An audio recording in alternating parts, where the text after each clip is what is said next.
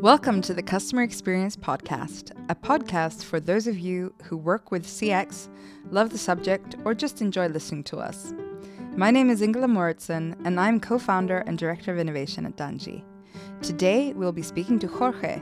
He is a product developer at IKEA and works with developing toys. Hi, Hi. welcome. Thank you In for these inviting me. corona times, it's so nice to be able to talk about something a little bit lighter. Exactly. Yeah. Yeah. Good. Good topics. Yeah. Yeah, right. So tell me, how come you started designing toys? hmm. Okay. Yeah. It's. Uh, I will try to summarize it. Um, but for me, I'm an industrial designer. I'm from Monterrey, Mexico. Uh, I graduated as an industrial designer. Then I was working in China as a developing products and creating products. And we had the opportunity to try concepts uh, of toys for kids. And it was just we, it was a trial. Like we were just trying things. I was mostly working on sport products and different types types of goods for retailers and I just fell in love with toys because actually they're difficult. It, it has a huge challenge to create a good toy uh, from many angles. And as a product designer, for me, that was uh, extremely interesting. Uh, I wanted to learn more, and, and then we created more concepts and more concepts. And then at some point, I realized, like, oh wow, I'm getting kind of like in a, like a specialist into this field, and I loved it. So that that's why I'm now in in in the toy business. Let's say like that. Well, now I can imagine because I have two eight-year-olds uh, Hmm. of my own, and I know that they're super picky uh, when it comes to what they want to play with. But in from your perspective as a designer, what is difficult about uh, designing toys? There's many things. Uh, to start, safety, of course. Uh, the standards for toys are very high, um, and it's completely different to designing a product for an adult. So just to start there as uh, safety, but uh, also you know how in the current world we have everything's dominated by digital things. Uh, you have Nintendo, PlayStation, screens, iPads. Kids attentions uh, it's just uh, you know in an ipad you can have like i don't know 20 50 apps uh, with different kind of games and interactions. So how do you how do you make something that uh, yeah that how, how can you capture the attention of, of, of the kid when they have so many options and basically they spend the, all of their time sitting staring at an ipad don't being active um, everything is just there in front of them so it's it's a huge challenge of how do you do a toy outside of these uh, digital uh, tools that we currently have Hmm. Mm. And how? What are some of the uh, toys that you think have been really successful that are not digital that some of like m- us might recognize? I like from- Lego, for example. I Yeah. mean, we all know Lego, right? It's an amazing toy. Uh, it's uh, the creativity that it, that the, the, the creativity opportunities it gives for the kids. It's unlimited. You basically can do whatever you want. There's no rules. There's no right and wrong. You learn a lot uh, about everything: colors, space, construction, imaginative play. It it never ends basically. so th- that's a good example of a good toy. And you know, kids can play with anything. You can play with a stick. Uh, it's all about what you do with it. So, of course, times have changed. So, we want to provide things that are safe and not just play with anything. So, there's a lot of things to take into consideration of what makes like a good toy. Uh, and for me, like personally, for me, the best is how to make kids being away from the screens. Right. Mm. So how do you put yourself into that mindset? Describe your process. Well, first we need to kind of start with a statement. Um, I'm not a designer anymore. Now I currently work as a product developer in IKEA. So I I don't design the things, but I work with the designers, and I kind of lead the process of development of the whole product from the idea until it's already on the store. Um, uh, and I've been doing that for yeah my whole career. And the process is basically as any uh, product development process. Uh, we will have like an, statement or with a challenge or solving a problem. We will create uh, ideas. We will have a brainstorm how to solve it. It could be for anything. You can start saying like we want to make creativity less messy, mm. as an example, right? Um, you will start brainstorming. We will have a lot of concepts. Uh, oh, you can do this, and maybe it can be like that. And the idea there is to have as many as you can. It's a lot of ideas and then kind of start like washing them and you can start mixing things like okay this thing from this idea could work here maybe. But there's a lot of questions. You cannot tell exactly what is what. So what it works well is to start prototyping. You jump into let's do it. Let's have it. Let's touch it. Let's move it. Let's try it. And once you have this you kind of go back and forward between the prototyping and the concept. So it's never i don't see it as a linear process actually it's a messy process, mm. but it's extremely fun. It's my it's the favorite part of the process uh, for me, at least. Um, then you start involving the customer. You start testing it because one thing is what you think in the whiteboard or in the paper or in the sketches or what the designer thinks or what the engineers think. And another thing is to see how the product is being gonna it's used actually for a customer. So after you analyze this uh, as a user test, you go back to the ideas and back to the board because things will change. I mean, you can say, and we have many examples of this, of like, okay, you, I'm going to add the handle here so they can carry this around. And then you see that actually they don't even use the handle or they realize that it's not a handle and they carry the product in a different way. Right. And you start questioning, but why? Yeah. Why is it like this? Oh, it's more convenient. Then my handle is not convenient. Then we need to change it. And then it, it's uh, it's very interesting uh, process. So yeah, as I said, I love this part. Uh, right. So it sounds like you really involve the the, the customer in this case, the kids. Yeah. Uh, from an early stage. Yes. Um, how important it is to is it to bring the kids in early on uh, for your process? It's very important we ask questions to the parents. We gather information from you know questionnaires, uh, but mostly from looking and just seeing how they react to things. Is it something that they lost attention after one minute? Mm-hmm. Because it's yeah, that's basically it's not fun. Mm. Uh, what is the reaction of it? Uh, were they surprised about it? Were they engaged with it? Uh, so it's a lot of things that uh, we need to take into consideration, and that's what makes things also very interesting because kids are not like adults. Kids don't lie. Uh, they will be very honest if they don't like mm-hmm. something or they think it's boring or that they don't understand it. Yeah, tell me about it. yeah. so that also I appreciate that a lot because yeah. it's it's different from an adult that maybe can maybe don't want to hurt your feelings or something and they want to say that yeah it's okay and it's very common for people to lie and not say exactly what they think about certain products. Right, but the kids are more honest then. Yeah, and yeah. I mean, you will also kind of learn how to ask things. Uh, you can. One thing that I usually do, uh, even since when I was a student, is we kind of step away from whatever the prototype is, and we kind of say, uh, "This is something someone else did." Mm-hmm. And we mm-hmm. just want to know what you think about it. It's not right. me. It's not me doing it. It's just someone else. So we can trash it right? Like well, it, it's kind of it's bad. And yeah. and they feel comfortable saying like yeah actually but no i like it. Or or uh, it is true that i don't like this you know? So it kind of helping the user a little bit to don't have a responsibility to reply in the way that they may think i want them to reply Right. So so the task is to get a very honest response and to kind of peel off all the social yeah. expectations yeah. in the interaction. That sounds actually a lot like how we work with customer experience as yeah. well to try to peel off all those. Sounds like maybe we should be interviewing kids instead of adults, so we might get more honest answers. It's really fun. I like it. Yeah. Cool. What are some of the most uh, fun reactions that you've seen when you've been prototyping? Mm, I think you can, as I said, the, the, kids don't don't lie to you, so you can see when true excitement comes.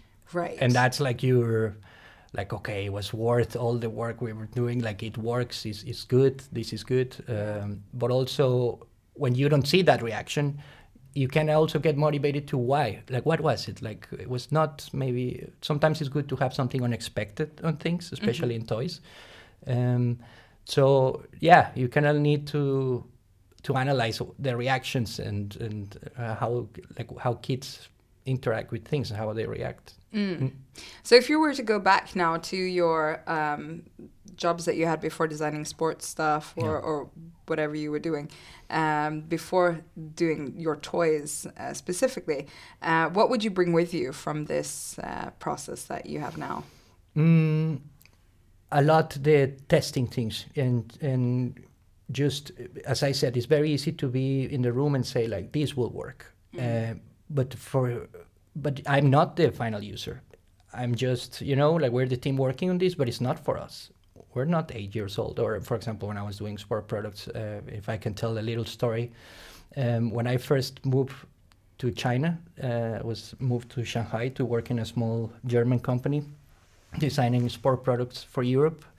Um, I remember my first task was to design a Nordic walking pole for Europe.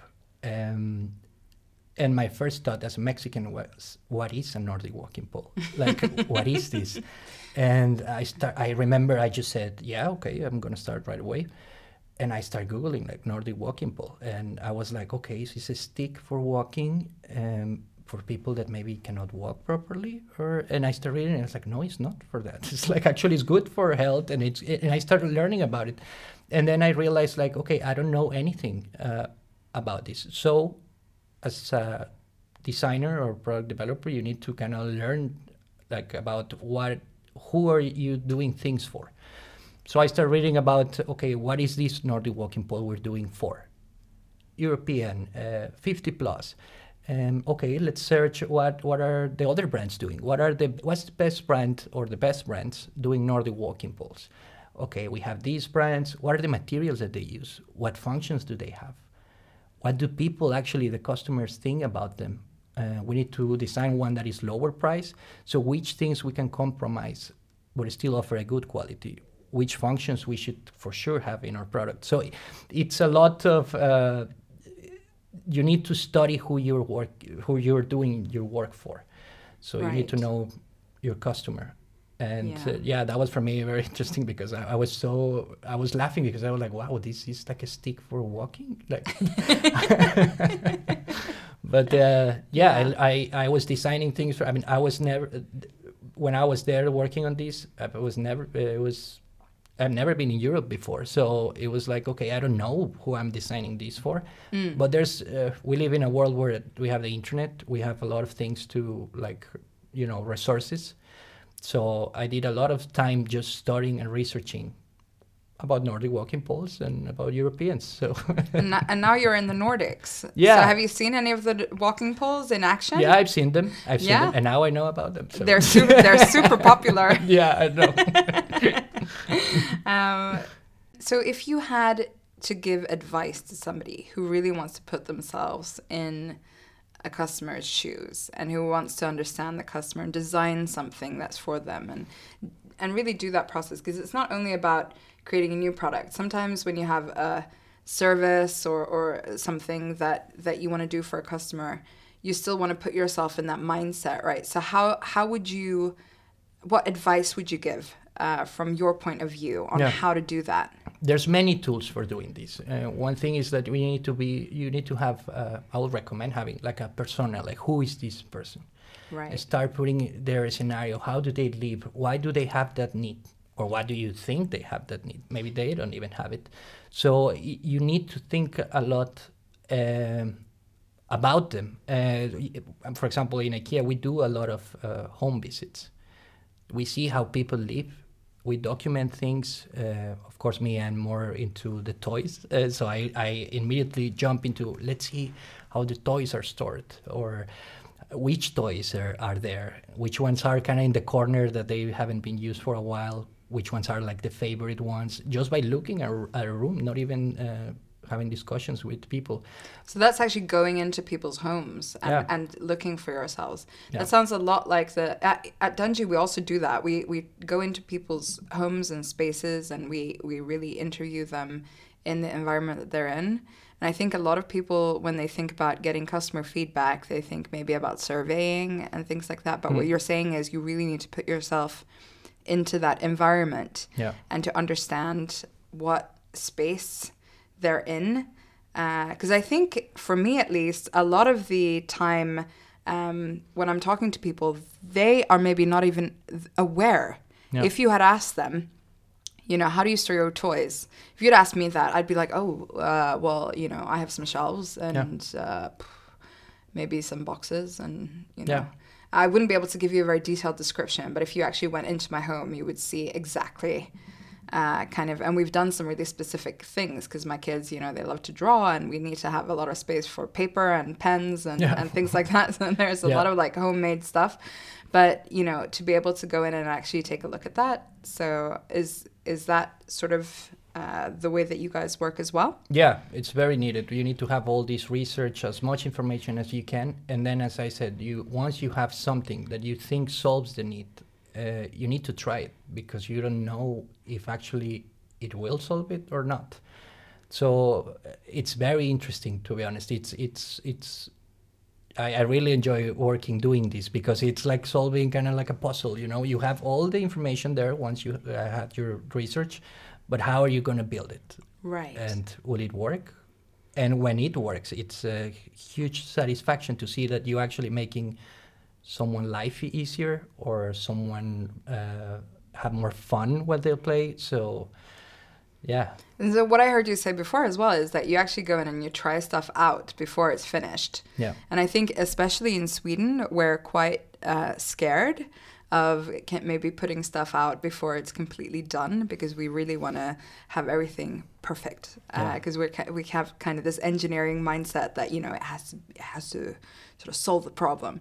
Uh, but what you're saying is to go out and really try. Uh, the product and, and see how it works in real life and then actually go back and adjust and it doesn't have to be finished in this proto- prototyping process of going back and forth yeah um, yeah that's why it's called prototype. It should not be a final thing. Or i mean they're very advanced prototypes but you Sure. should always be open to say we will change it if it's needed. It's not uh, to give yourself a pat in the back. Right. It's to see if it needs improvement or not. Mm-hmm. Cool. And then and then take that and bring it back. So the the steps then, if I get you correctly, it's to do your research properly is number one, and not only to survey, but actually to go in and go deep, and dive into um, that person's world yeah. to really understand them uh, in their own context. Yes. Uh, like you guys do with the home visits, Yeah. uh, for example, and then to um, to create something with your own experience, and then to prototype it, to try it in that context, and then bring it back and and get experience from what you've learned. yes Great, I think that's awesome. Ex- ex- an awesome explanation of, of how to do it for anyone, yeah not only for people who are designers, but maybe for all of us who work with customers. What is your uh, most? Can you like maybe tell us a like a most unexpected uh, situation with a kid that you've faced when you've when you've uh, designed or like helped to bring bring a product to market? The most unexpected. That's a good question. Um, I think, but actually, there's a lot of unexpected things when you're working uh, with kids. You know, like the the first time that I was doing some kind of user test with kids, uh, I was in Shanghai, and we were we were kind of low on budget. We didn't have much budget to like do a proper uh, user test. So what we did, we just invited people from the international community that lived in Shanghai uh, to a park, and we had some concepts that we wanted to try. And uh, the first time, it was it was just so many kids showed up.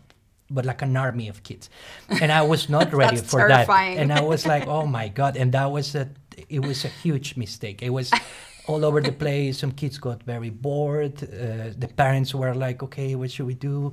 You know. I, so I I learned a lot of like, okay, we need to plan this properly. We need to see how to do this. It's it's it's Yeah. difficult, especially because you cannot uh, kind of force uh, like saying, okay, now we're gonna test this. You know, like sometimes uh, there's not the right mood for it. Uh, so you need to learn how to kind of do this uh, test. And expected react unexpected reactions for kids could be something that you say, you know what, this is our weakest concept. It, I don't think this is fun. This will not work. Mm. And this is the one that for sure they will love. And then after that is the complete opposite. It's like they love the other one.